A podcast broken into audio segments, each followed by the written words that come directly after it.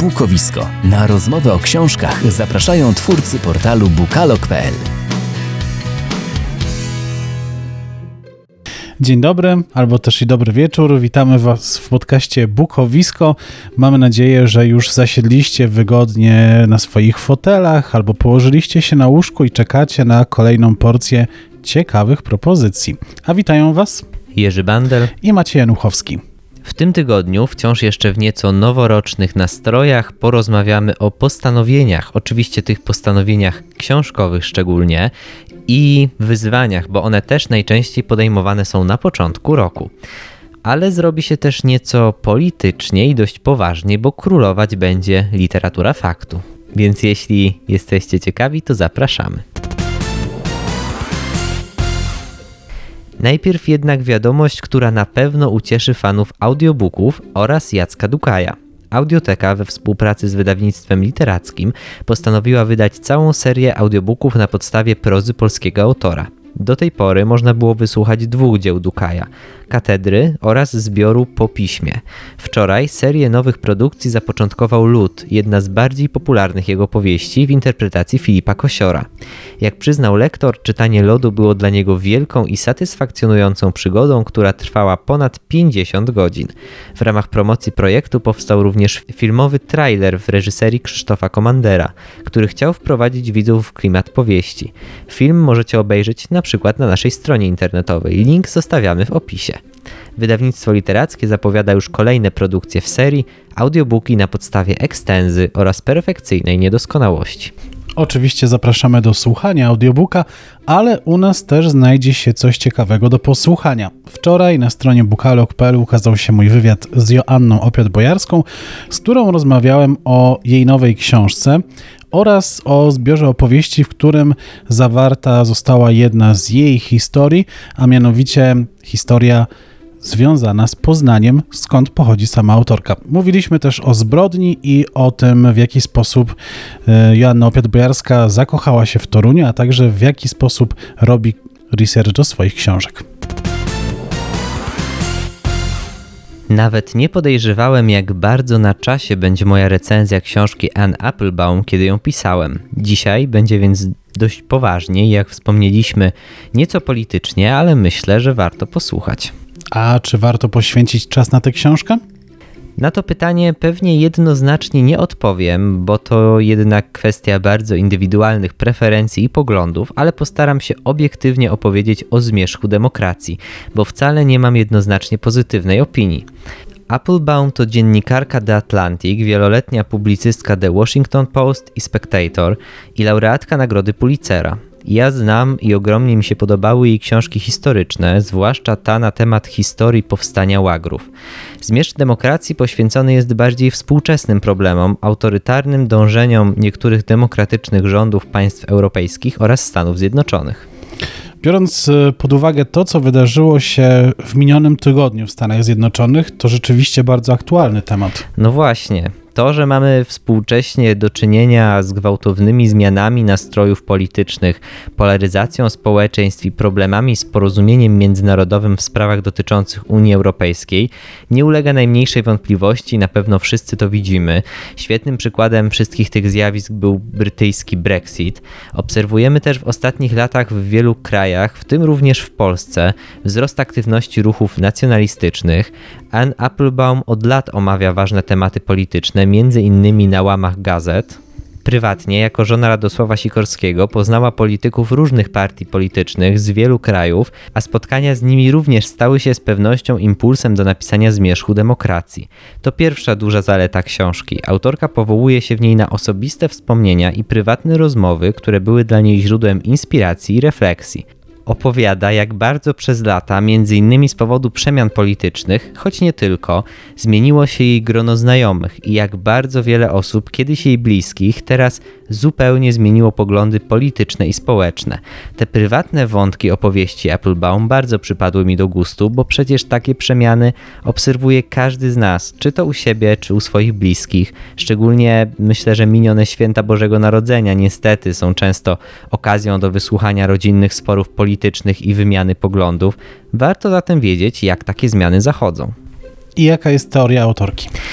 Applebaum próbuje to tłumaczyć na przykładzie ruchów nacjonalistycznych w kilku krajach. Opowieść zaczyna się od społeczeństwa polskiego, podzielonego sporem dotyczącym katastrofy smoleńskiej, i społeczeństwa węgierskiego, którym niepodzielnie rządzi Viktor Orban. Następnie sporo czasu poświęcone zostało drodze Wielkiej Brytanii do Brexitu i temu, jak i dlaczego Unię Europejską opuścił jeden z jej dotychczasowych filarów. Dziennikarka opowiada też o rosnącym poparciu dla konserwatywnej partii Vox w Hiszpanii oraz o Francji, która o mały włos uniknęła prezydentury Marine Le Pen, by ostatecznie zakończyć książkę analizą dojścia do władzy Donalda Trumpa. Wyraźnie daje się odczuć, że niektóre z tych tematów są autorce bliższe, przede wszystkim te dotyczące Polski, Węgier i Stanów Zjednoczonych, Przede wszystkim te dotyczące Polski, Węgier i Stanów Zjednoczonych.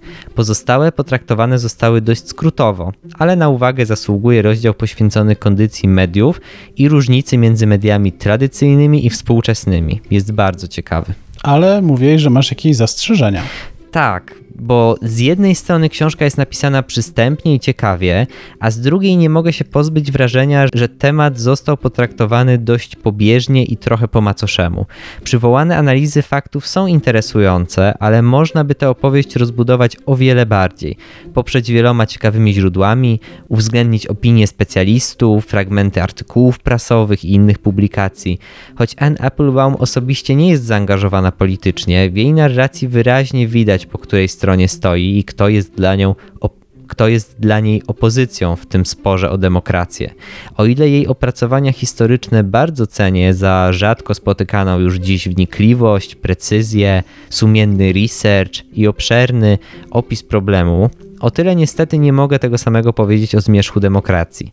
To na pewno nie jest zła książka, a osoby, które nie interesują się za bardzo polityką, szczególnie tą międzynarodową, na pewno dowiedzą się czegoś ciekawego, ale mimo wszystko po autorce Gułagu chyba spodziewałbym się czegoś więcej.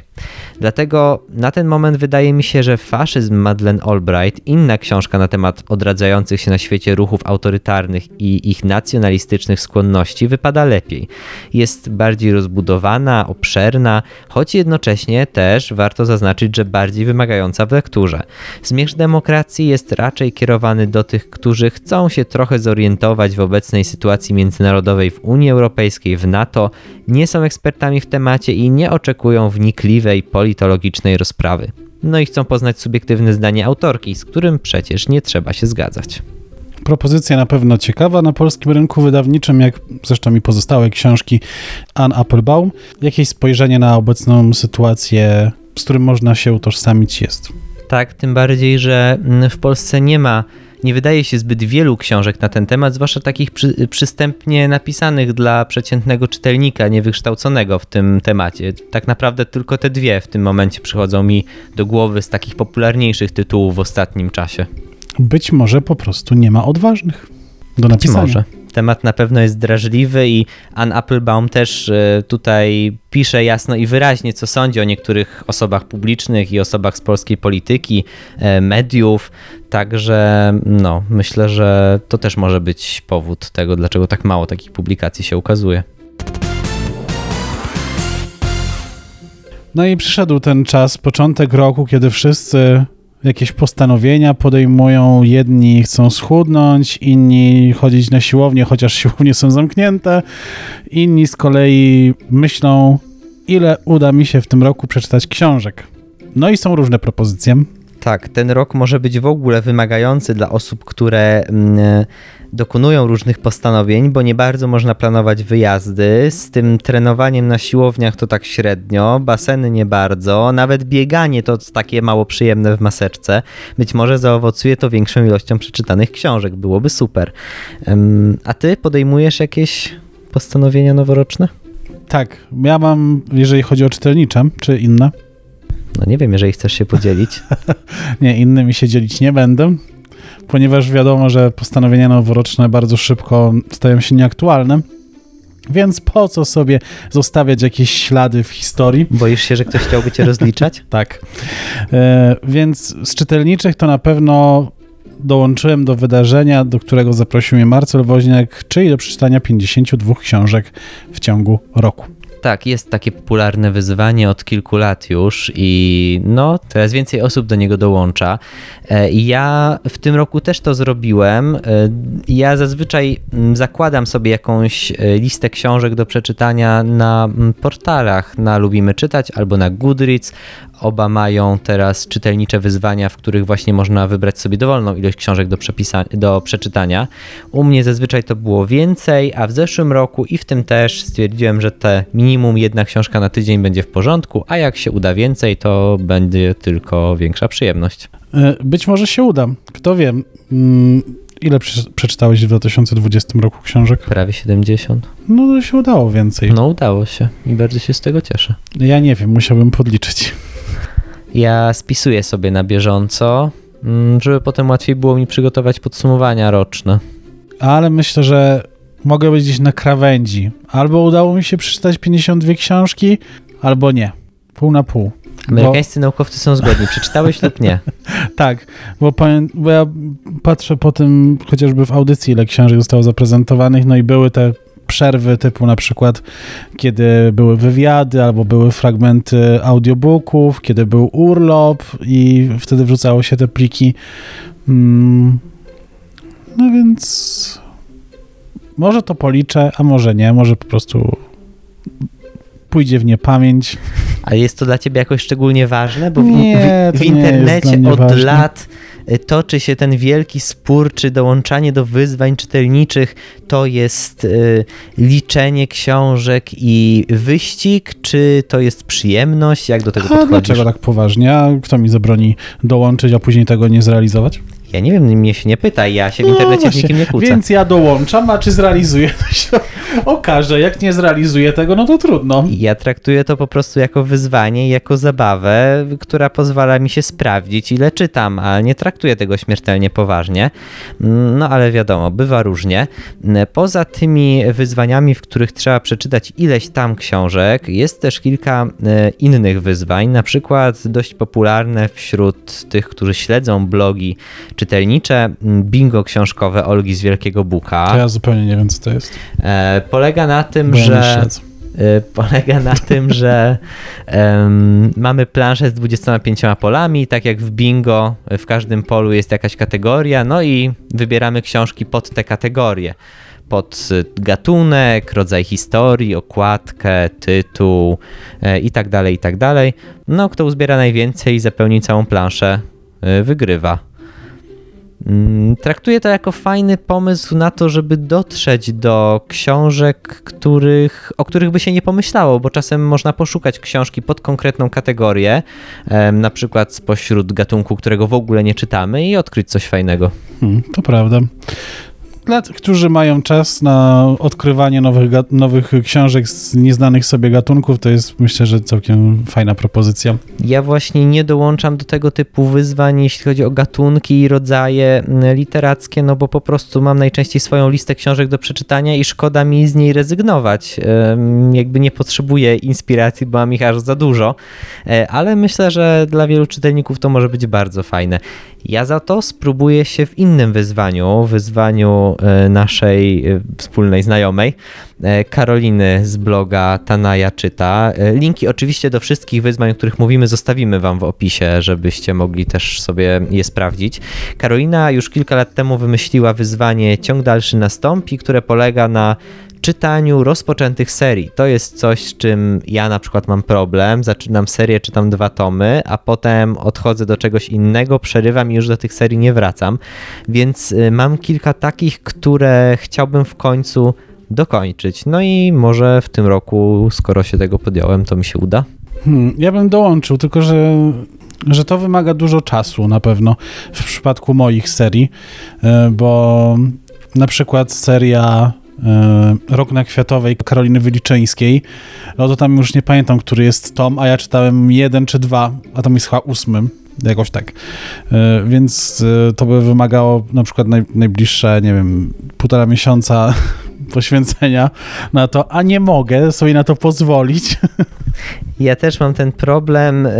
I to jest tylko jedna seria, a jeszcze ze dwie by się znalazły. No, ja mam ich w ogóle więcej i, i dlatego myślę, że pewnie uda mi się może dokończyć serię, na przykład trylogię, których nie dokończyłem. Przeczytałem jeden bądź dwa tomy i nie dokończyłem. Na to jest większa szansa. Ja na przykład w zeszłym roku zacząłem sobie przypominać um, sagę o ludziach lodu, która ma 42 tomy, więc jakby możemy się policytować, ale myślę, że trudno będzie to przebić. E, Karolina z kolei widziałem na jej blogu zaczęła serię Terego Pratchetta, która też ma tam 40 plus tomów, no ale wiadomo, znowu nie chodzi o to, żeby się ścigać, ale chodzi o to, żeby pchnąć trochę do przodu swoje czytelnicze zaległości. No to nic, tylko gratulować, jeżeli ktoś chce dokończyć to, co już rozpoczął. To życzę wam, żebyście wtedy nie byli rozczarowani kolejnymi tomami. No ja też nie podchodzę do tego tak poważnie, jak będę rozczarowany, to po prostu kilka serii w tym roku, szczerze mówiąc, swojej listy zaczętych wykreśliłem, bo nie mam ochoty ich po prostu kończyć po dwóch czy trzech latach. Okazało się, że nie były tak dobre, jak się spodziewałem, więc przecież nie będę się męczył. No i poza tymi oczywiście, które wymieniliśmy, jest całe mnóstwo wyzwań na Facebooku, grup, do których fajnie dołączyć, bo ludzie się tam po prostu wymieniają inspiracjami i można poznać sporo nowych tytułów. Jedną z takich jest na przykład tygodniowe wyzwania czytelnicze, taka grupa, w której członkowie co tydzień wybierają sobie książkę na inny temat, tytuł na inną literę albo książki danego pisarza i co tydzień czytają jedną inną książkę. Można to bardzo fajnie połączyć z wyzwaniem 52 książki w rok. No i inspirować się od innych. Myślę, że to jest po prostu najcenniejsze. Jeśli chodzi o zapowiedź tygodnia, w tym tygodniu zapowiadamy wznowienie. Wydawnictwo Marginesy postanowiło wydać Dom Duchów, debiutancką powieść Isabel Allende, która przyniosła jej uznanie na całym świecie. Owszem, niektórzy uwielbiają czytać jej kolejne powieści, inni zupełnie ich nie lubią, ale bez wątpienia Allende jest jedną z najpoczytniejszych współczesnych pisarek iberoamerykańskich i jestem pewien, że wielu z Was po pierwsze jest jej fanami, e, a po drugie ucieszy się ze wznowienia jej słynnej trylogii. Poza Domem Duchów pójdą kolejne tytuły z tej serii. Jeśli zatem Jesteście fanami pisarki albo w ogóle jeszcze jej nie znacie, szykujcie się na 27 stycznia na premierę Domu Duchów. Pod koniec roku na polskim rynku wydawniczym ukazał się dodruk książki Demon w Watykanie, Legioniści Chrystusa i sprawa Masiela. Jest to wstrząsający reportaż włoskiej dziennikarki Franki Gian Soldati. Opisana w nim historia brzmi jak scenariusz filmu sensacyjnego. Niestety wydarzyła się naprawdę. To jedna z tych kart historii Kościoła katolickiego i polskiego papieża, o której Watykan i ludzie tego kościoła woleliby jednak zapomnieć. To książka o głośnej sprawie, która faktycznie była wielkim skandalem, kiedy okazało się, kim jest jej główny bohater. Jak bardzo autorka zgłębiła tę historię? Myślę, że na tyle, na ile jej się udało. Niestety nie wszystko udało się jej odkryć lub rozwiązać. Zgromadzenie Legion Chrystusa, które obecne jest również w Polsce, bardzo pilnuje swoich sekretów, które nie ujrzały do tej pory światła dziennego, a które mogłyby jeszcze tej formacji zaszkodzić. Zapewne są to bardzo wstydliwe sekrety, patrząc na poczynania ich założyciela Marciala Maciela de Goliado. Możesz pokrótce przypomnieć, o co chodziło w tej sprawie? Duchowny prowadził równolegle trzy życia. Posługiwał się w nich różnymi tożsamościami. W pracy kapłańskiej swoje wyjazdy tłumaczył koniecznością rozwijania zgromadzenia legionistów Chrystusa. W tym czasie spędzał czas z jedną ze swoich żon i z dziećmi. W sumie miał dwie rodziny, które również oszukiwał. Tłumaczył kobietom, które w sobie rozkochał, że jest biznesmenem i musi dużo podróżować, wtedy mógł spełniać swoje zobowiązania wobec Kościoła katolickiego. Niestety to najlżejsze przewinienia bliskiego przyjaciela Jana Pawła II i współpracownika Stanisława Dziwisza, ponieważ dzieci księdza Masiela oskarżyły go o seksualne molestowanie i gwałty, jednak to tylko wierzchołek Góry Lodowej. Według przewodniczącego Stowarzyszenia Ofiar Legionistów Chrystusa Masiel mógł molestować nawet 200 nieletnich chłopców w trakcie całego swojego życia. Ponadto molestował około 30 nieletnich członków Legionu Chrystusa oraz wielu seminarzystów. Watykan miał nie reagować na doniesienia o seksualnych niegodziwościach swojego przedstawiciela, być może za sprawą przyjaźni z Janem Pawłem II, a być może pieniędzy, które trafiały do Watykanu. I tu pojawia się wątek ze Stanisławem Dziwiszem w roli głównej. Zdaniem autorki prawdopodobne jest, że Dziwisz otrzymywał pieniądze od księdza Masiela, który sprzedawał wstęp na mszę, której przewodniczył papież Jan Paweł II. Bogaci ludzie, którzy chcieli w takiej mszy uczestniczyć, mieli wpłacać bardzo hojne datki na zakon legionistów Chrystusa. Szacuje się, że przez około pół wieku przez zakon do Watykanu popłynęły miliony dolarów. Jaki jest Twój ogólny odbiór tej książki? Uważam, że włoska dziennikarka wykonała kawał dobrej roboty. Reportaż jest wnikliwy, porządnie i pieczołowicie przygotowany. Język, jakim został napisany, jest przystępny. Autorka krok po kroku wprowadza nas w historię, a z biegiem stron zaczyna również zadawać pytania. Na część z nich odpowiedź znajdziemy w dalszej części książki, ale na pozostałe pewnie nie poznamy odpowiedzi nigdy, bo jak już wspomniałem, sekrety w Legionie Chrystusa są pilnie strzeżone. Sama historia jest mocna i do myślenia. Czy książka też taka jest? Powiedziałbym, że nie do końca. Dla kogoś, kto znał najważniejsze fakty tej sprawy, może być uzupełnieniem wiedzy. Na wielkie zaskoczenia raczej nie ma co liczyć, za to może skłonić do myślenia niejednego odbiorcę. Szczególnie w temacie bliskim nam, Polakom, chodzi m.in. o rolę, jaką odgrywał w tym wszystkim kardynał Stanisław Dziwisz, który często zaprzecza i zasłania się niepamięcią w przypadkach związanych przykład z pedofilią wśród księży. Mogą pojawić się również pytania o to, czy lub jaką wiedzę na temat przestępstw księdza Masiela posiadał papież Jan Paweł II. Wreszcie, czy posiadając zeznania ofiar, które Benedykt XVI ocenił jako niepodważalne świadectwa, ukrywał przypadki pedofilii i molestowania seminarzystów przez Degoliado.